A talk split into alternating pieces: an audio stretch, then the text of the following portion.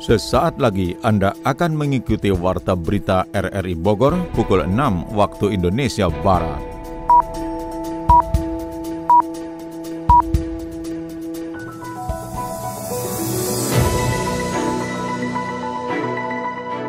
Selamat pagi, salam jumpa. Kami hadir kembali dalam Warta Berita edisi hari ini, Kamis 21 Desember 2023. Siaran kami bisa Anda dengarkan melalui audio streaming RRI Digital pada perangkat Android Anda dan bisa Anda dengarkan juga di audio on demand di Spotify, Anchor, Portal, dan Google Podcast. Berita utama pagi ini adalah Bawaslu Kota Bogor terus melakukan proses penyelidikan atas dugaan money politik Polresta Bogor Kota menggagalkan peredaran narkoba yang diduga hendak digunakan pada perayaan Nataru nanti. PT Liga Indonesia baru menyatakan bahwa Liga 2 2023-2024 akan kembali bergulir pada 6 Januari 2024 dengan memasuki putaran 12 besar yang dibarengi dengan pelaksanaan playoff degradasi. Saya Mulane Starto, inilah Warta Berita selengkapnya.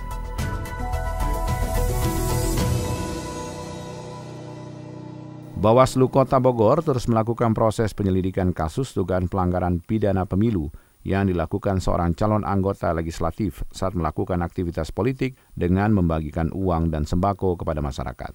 Sony Agung melaporkan. Kasus dugaan pelanggaran money politik dalam kampanye yang masuk indikasi pidana pemilu masih terus mendapatkan penanganan dari Bawaslu Kota Bogor. Dugaan pelanggaran kampanye yang terindikasi pidana pemilu itu setelah caleg membagikan uang dan sembako untuk masyarakat saat melakukan aktivitas politik. Komisioner Bawaslu Kota Bogor Anto Siburian mengungkapkan sentra penegakan hukum terpadu Gakumdu maka kasus ini telah memenuhi syarat formal dan material sebagai pidana pemilu. Untuk itu proses berlanjut dengan adanya penyelidikan dengan adanya kajian dari Bawaslu bersama Sentra Gakumdu dengan adanya pemberkasan dari mulai saksi temuan dan aduan dari Panwascam Bogor Tengah termasuk pada tim pemenangan caleg yang diduga melakukan pelanggaran. Karena kemarin kita sudah rapat Sentra Gakumdu di situ pembahasannya yaitu menerima terkait temuan syarat formil dan material sudah terpenuhi dan kita sudah registrasi. Nah, setelah registrasi ini kita akan membuat kajian kajian dugaan pelanggaran pidana pemilunya selama tujuh hari tujuh hari kerja. Apabila belum mendapat kepastian, nanti akan mendapat tambah tujuh hari lagi, jadi 14 hari kerja. Nah, 14 hari kerja ini kajiannya isinya apa? Ya, kita keterangan-keterangan nanti dari para saksi, dari penemu, karena bicara ini adalah temuan hasil pengawasan, kita bicara penemunya, keterangannya seperti apa, dan juga kepada calegnya, kepada tim pemenangannya terkait dugaan pelanggaran pidana ini. Jadi kemungkinan dari 14 hari itu misalkan ada dugaan-dugaan pidana nanti akan dibahas dalam pleno pimpinan Bawaslu Kota Bogor untuk dilanjutkan tahap penyidikan diantar menjadi bentuk laporan polisi yang disampaikan ke Polres di situ. Selanjutnya setelah dirasakan adanya cukup bukti dalam penyelidikan, maka Sentra Gakumdu bersama Bawaslu membuat laporan polisi untuk proses penyidikan. Dalam proses ini bisa saja caleg bersangkutan sudah menjadi tersangka pidana pemilu. Jadi syarat formil dan material itu kita bahas saat rapat Sentra Gakumdu, Bang. Nah, itu untuk diteruskan, untuk dilanjutkan dalam pemeriksaan yang tadi saya bilang. Nah, itu dalam arti penyelidikan.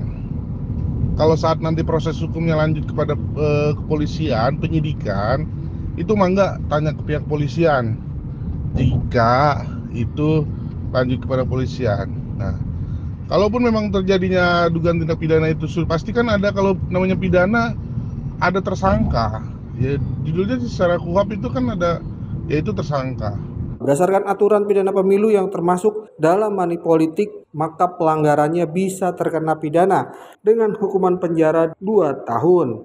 Rekayasa lalu lintas kembali diterapkan pada jalur titik-titik rawan kemacetan Puncak Bogor saat Natal 2023 dan Tahun Baru 2024. Yofri Haryadi melaporkan. Satlantas Polres Bogor akan melakukan rekayasa arus lalu lintas pada libur malam pergantian tahun 2023-2024 31 Desember dengan sterilisasi jalur di titik rawan kemacetan. Kasih Humas Polres Bogor Ibtu Desi Triana mengatakan untuk rekayasa lalu lintas ini dilakukan dengan mengalihkan akses jalan yakni dari jalur utama Puncak Bogor ke dua akses yakni Cibubur, Jonggol, Cianjur serta Ciawi, Cianjur, Sukabumi. Berikut penuturan Kasih Humas Polres Bogor Ibtu Desi Triana. Untuk mengurangi kepadatan dan mencegah meningkatnya penyebaran COVID-19 di jalur puncak, pada malam tahun baru 2024, jalur puncak dialihkan mulai pukul 18.00 WIB pada tanggal 31 Desember 2023 sampai dengan pukul 06.00 tanggal 1 Januari 2024 di mana para pengguna jalan bagi yang akan melewati ke arah Cianjur, Bandung agar melalui jalur alternatif yaitu Cibubur, Cianjur via Jonggol. Rutenya Cibubur, Cilengsi, Jonggol Cariu, Cikalong, Cianjur. Jalur yang kedua yaitu Ciawi, Cianjur via Sukabumi. Rutenya Ciawi, Cicurug, Cibadak, Kota Sukabumi, dan Cianjur. Mulai pukul 21.00 WIB tanggal 31 Desember 2023 sampai dengan 02.00 1 Januari 2024 akan diberlakukan malam tanpa kendaraan di jalur wisata puncak. Mohon maaf atas ketidaknyamanannya bagi para wisatawan yang akan berlibur menuju puncak ataupun melewati puncak Cianjur dan Bandung. Rekayasa lalu lintas juga dilakukan Satlantas Polres Bogor pada libur Natal 24 Desember nanti dengan memprioritaskan pencegahan COVID-19 di jalur wisata Puncak Bogor. Polisi akan menerapkan penutupan bahkan ganjil genap untuk mengurangi penumpukan arus lalu lintas dan kerumunan massa di objek wisata di Puncak Bogor. Polresta Bogor Kota menggagalkan peredaran narkoba yang diduga untuk digunakan pada perayaan Tahun Baru nanti. Sony Agung melaporkan. Perayaan Natal dan Tahun Baru mendapat perhatian khusus dari aparatur Polresta Bogor Kota agar terbebas dari peredaran narkoba. Hal itu terlihat saat adanya penangkapan sejumlah bandar narkotika di Bogor dan sekitarnya yang terindikasi akan bertransaksi barang haram tersebut untuk dipergunakan saat Natal dan Tahun Baru. Kasat Narkoba Polresta Bogor Kota Kompol Eka Chandra menjelaskan pengungkapan peredaran narkoba jenis ganja terungkap setelah jajarannya menerima laporan akan ada adanya transaksi di kawasan barat Kabupaten Bogor. Kemudian dilakukan penelusuran hingga akhirnya didapat sebuah ekspedisi yang akan mengirimkan paket ganja seberat 6 kg kepada seseorang di kawasan itu. Akhirnya petugas dapat meringkuk dua orang tersangka berinisial F dan S yang termasuk dalam bandar narkoba.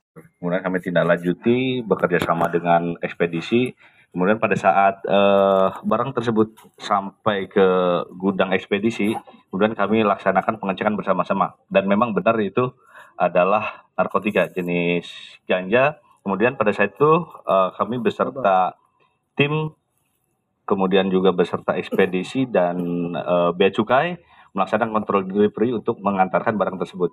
Barang tersebut ternyata uh, tersangka meminta bertemu di jalan ya, menembu, meminta bertemu di jalan di wilayah Ciampea.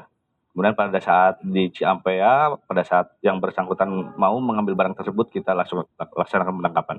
Kemudian barang tersebut dikirim dari Medan ya, dari Medan. Inisial siapa? Kan di situ uh, tidak ada pasti uh, namanya nama anonim gitu. Kapolresta Bogor Kota Kombes Pol Bismo Teguh Prakoso mengungkapkan seluruh unsur yang terlibat dalam pengungkapan tersebut dari mulai bea cukai hingga ekspedisi memaparkan bahwa ganja itu dikirim oleh seseorang dengan nama dan alamat anonim berasal dari Medan, Sumatera Utara. Keberhasilan pengungkapan narkoba itu juga terus berlanjut karena diduga banyak masyarakat yang akan melakukan transaksi narkotika dan psikotropika saat Natal dan Tahun Baru. Ganja yang diamankan ini ini merupakan hasil kerjasama antara Polresta Bogor Kota dari Sat Narkoba dengan Bea Cukai Pusat dan juga Bea Cukai Kota Bogor. Ya, kemudian kita bekerjasama dengan ekspedisi juga, ya, sehingga berhasil uh, mengungkap ya pelaku di balik yang order ataupun yang akan mengedarkan ataupun pemilik dari 6 eh, kg ganja ini. Sedianya bahwa 6 kg ganja ini akan digunakan untuk tahun baru uh, di Kota Bogor sehingga dengan berhasil kita ungkap, berhasil kita tangkap pelakunya, berhasil kita sita uh, ganja tersebut, kita menyelamatkan kurang lebih 10.000 jiwa masyarakat dari potensi kerawanan penyalahgunaan ganja.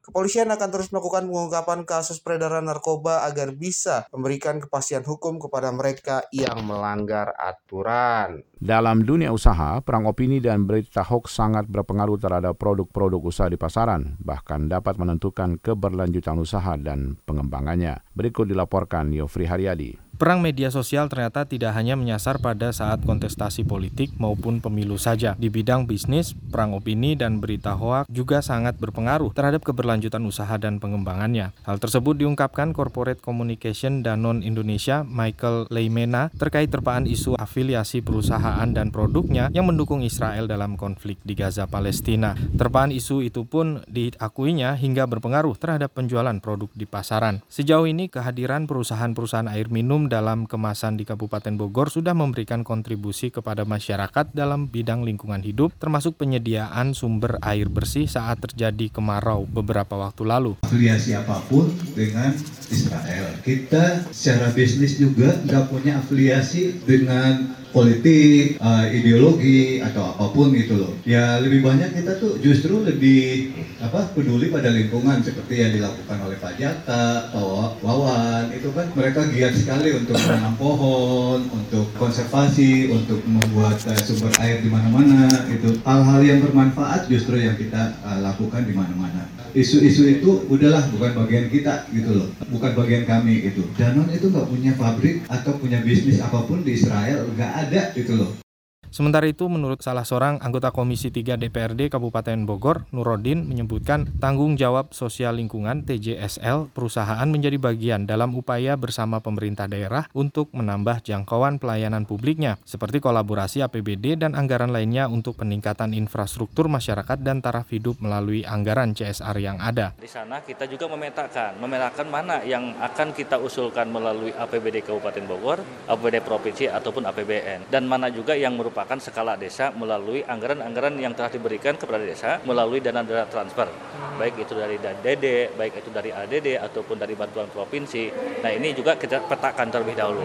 Nah, setelah kita petakan dari semua sumber anggaran yang tadi saya sampaikan, nah sisanya baru kita giring kepada kan kepada anggaran CSR. Dari data terakhir pada 2019 lalu, jumlah TJSL yang terhimpun di Kabupaten Bogor mencapai 7 triliun rupiah dalam bentuk fisik dan non-fisik. Salah satu program tertinggi adalah pada bidang pendidikan serta peningkatan infrastruktur sosial termasuk fasos dan fasum serta lingkungan hidup. Untuk diketahui saat ini Kabupaten Bogor merupakan terbaik kedua dalam pengelolaan CSR atau TJSL di Jawa Barat. Pak, hmm. bentar lagi kan kita anniversary nih. Hmm. Liburan yuk. Boleh. Asik. Keluar negeri ya? Aduh, ngapain sih keluar negeri mah? Di Indonesia kan banyak tempat wisata. Kita kan belum pernah ke tempat yang keren-keren. Jadi bagus gitu loh, Pak, kalau posting di media sosial. Emangnya Mama mau wisata ke mana sih? Mau ke pantai? Mau. Itu adalah Labuan Bajo tuh, dijuluki kota seribu sunset. Kalau misalnya mama mau ke cagar alam eksotis, nggak usah jauh-jauh ke Afrika. Kita ke Savana Bekol aja di situ Bondo, yang jadi bagian dari Taman Nasional Baluran. Atau misalnya nih, hmm. mama mau trekking kayak tembok besar Cina gitu. Ada. Ada. Namanya Janjang Koto Gadang, yang punya julukan The Great Wall-nya Sumatera Barat. Oh, ternyata seru juga ya keliling Indonesia ya. Kapan nih kita berangkatnya? Cinta Indonesia bukan cuma mengenal budaya dan keseniannya saja, tapi juga ikut berkontribusi memajukan pariwisatanya. Liburan di Indonesia aja.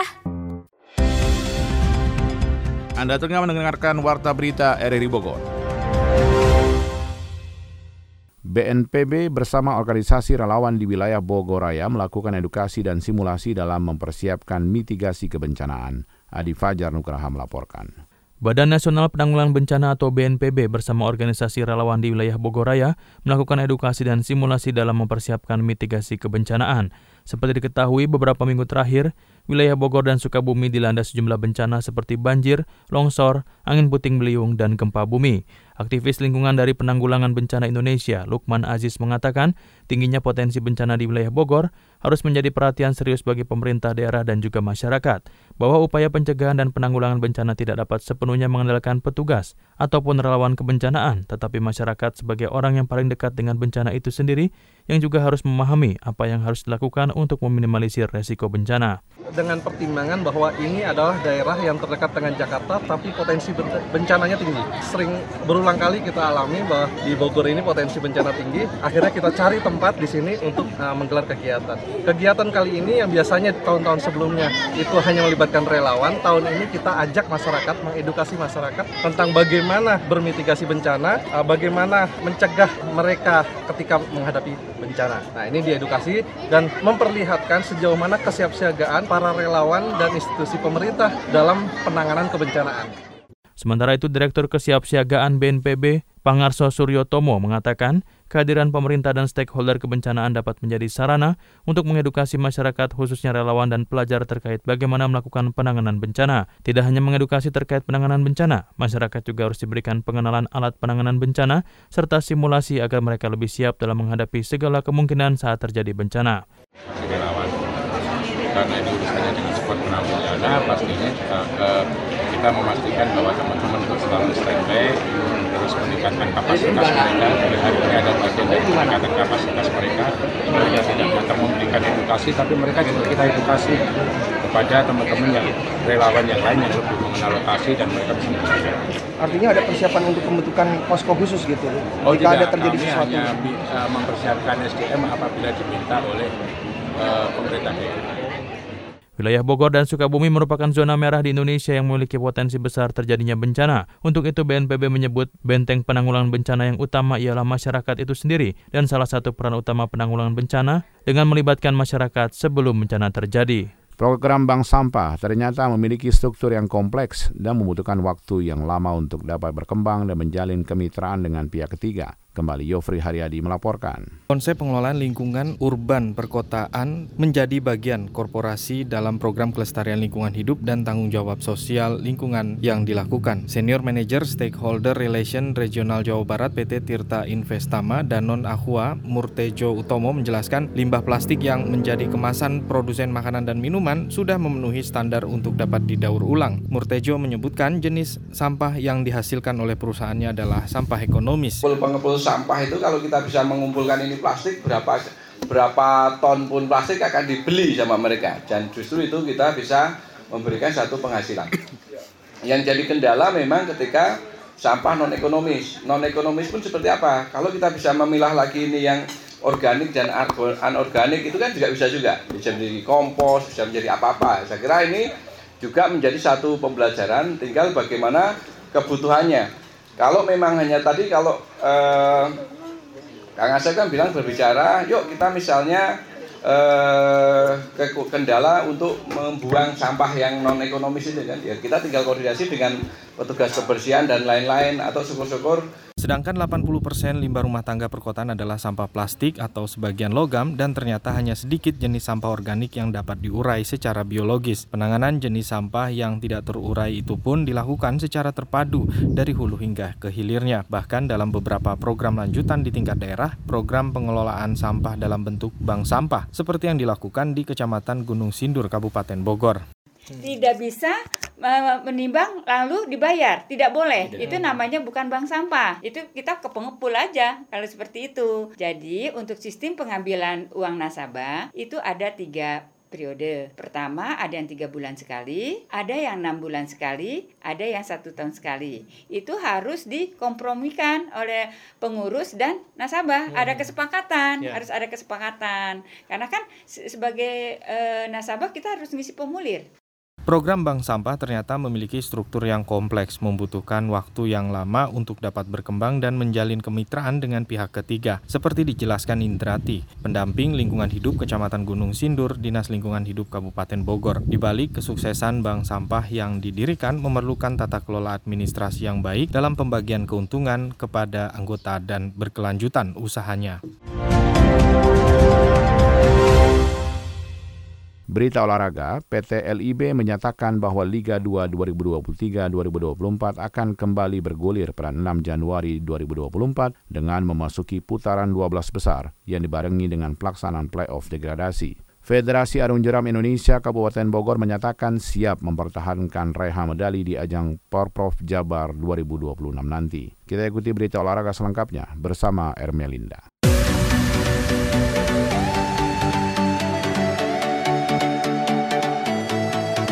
Para pengurus cabang olahraga Faji saat ini sudah all out memberikan prestasi yang terbaik bagi kontingen Kabupaten Bogor. Dibuktikan dari pola peningkatan latihan yang dilakukan di berbagai wilayah. Menurut Faji, saat ini klub-klub Arung Jeram juga sudah sangat banyak sehingga memudahkan Faji mencari atlet binaan baru. Faji Kabupaten Bogor menyatakan siap mempertahankan raihan medali di ajang Porprov Jabar ke depannya. Adapun persiapan yang akan ditempuhnya adalah menerjunkan puluhan atlet terbaiknya pada Porprov 2026 nanti. TB Wajedi Ketua Faji Faji Kabupaten Bogor juga mengatakan atlet yang akan masuk dalam kontingen Faji adalah mereka yang benar-benar berdomisili di Kabupaten Bogor atau atlet putra daerah. Insya Allah kemungkinan kita dengan target rencana dari para pengurus sendiri ingin supaya para atlet tidak terjadi seperti yang lalu-lalu. Saya ingin memberdayakan kita daerah, apalagi kalau melihat potensi daripada operator-operator yang kita miliki di Kabupaten Bogor ini yang saya rasa cukup panjang dan piawai, itu tinggal pembinaan saja. Kalau melihat potensi sekarang yang sudah ada data kami dari klub rating saya sudah ada 23 rata-rata klub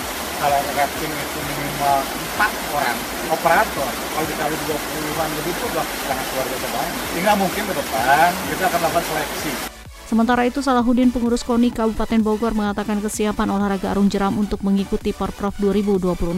Menurut Salahuddin, Faji Kabupaten Bogor sudah tidak diragukan lagi dalam meraih medali nanti karena terbukti dari konsistensi pembinaan Faji yang terus berjalan kepada para atletnya. Namun Salahuddin mengakui jika pembinaan yang sudah dilakukan masih harus didukung dengan sarana prasarana yang baik. Namun sarana dan prasarana sebagai pendukung untuk cabang olahraga arung jeram masih sangat terbatas karena pada Porda Jabar lalu cabang olahraga Faji tidak difasilitasi fasilitasi perlengkapan yang layak. Salahuddin juga menjelaskan minimnya fasilitas berlatih yang dimiliki Faji saat ini sudah dilaporkan kepada Ketua Umum KONI. Sehingga Salahuddin berharap sarana prasarana ini bisa menjadi perhatian khusus dari KONI kepada cabang-cabang olahraga yang ada di bawah naungan KONI Kabupaten Bogor. Persiapannya udah bagus, ya, di mana mereka tinggal didorong oleh uh, sarana dan prasarana memadai karena uh, pasca Porda kemarin itu memang kita tidak uh, mengajukan peralatan karena itu peralatan-peralatan pendukung jadi juara kan memang ya, mau nggak mau harus disegerakan. Untuk itu ke depannya Faji Kabupaten Bogor juga akan lebih fokus menggali potensi atlet arung jeram asli Kabupaten Bogor. PT LIB menyatakan bahwa Liga 2 2023-2024 akan kembali bergulir pada 6 Januari 2024 dengan memasuki putaran 12 besar yang dibarengi dengan pelaksanaan playoff degradasi. Direktur Utama PT LIB Ferry Paulus menggunakan istilah 12 besar dan 16 besar untuk menyebut dua fase lanjutan dari kompetisi Liga 2. Istilah 12 besar digunakan Ferry untuk menyebut persaingan memperebutkan tiket promosi ke Liga 1, sedangkan 16 besar dipakai untuk menyebut lanjutan kompetisi yang ber bertujuan mencari tim-tim yang terdegradasi ke Liga 3. Dalam kesempatan tersebut, Ferry juga menyampaikan bahwa terdapat tiga klub Liga 2 yang masih belum memiliki stadion untuk memainkan pertandingan-pertandingan fase lanjutan. Ketiga klub tersebut adalah Delta Sidoarjo, Malut United, dan Persiraja Banda Aceh. Untuk itu, Ferry memberikan tenggat waktu selama maksimal lima hari ke depan agar ketiga klub tersebut bisa mendapatkan stadion untuk dijadikan sebagai kandang klub dalam menjalani fase 12 besar. Ia pun menegaskan bahwa Liga 2 2023-2024 sama sekali tidak mengalami masalah hambatan perizinan dari kepolisian. Perihal peluang penggunaan wasit asing di Liga 2, Ferry mengatakan pihaknya sebagai operator liga tidak memiliki wewenang apa pun terkait wasit, selain hanya mengurusi masalah-masalah teknis seperti transportasi, akomodasi, dan honor saja. Ia menegaskan wewenang seputar wasit merupakan ranah PSSI.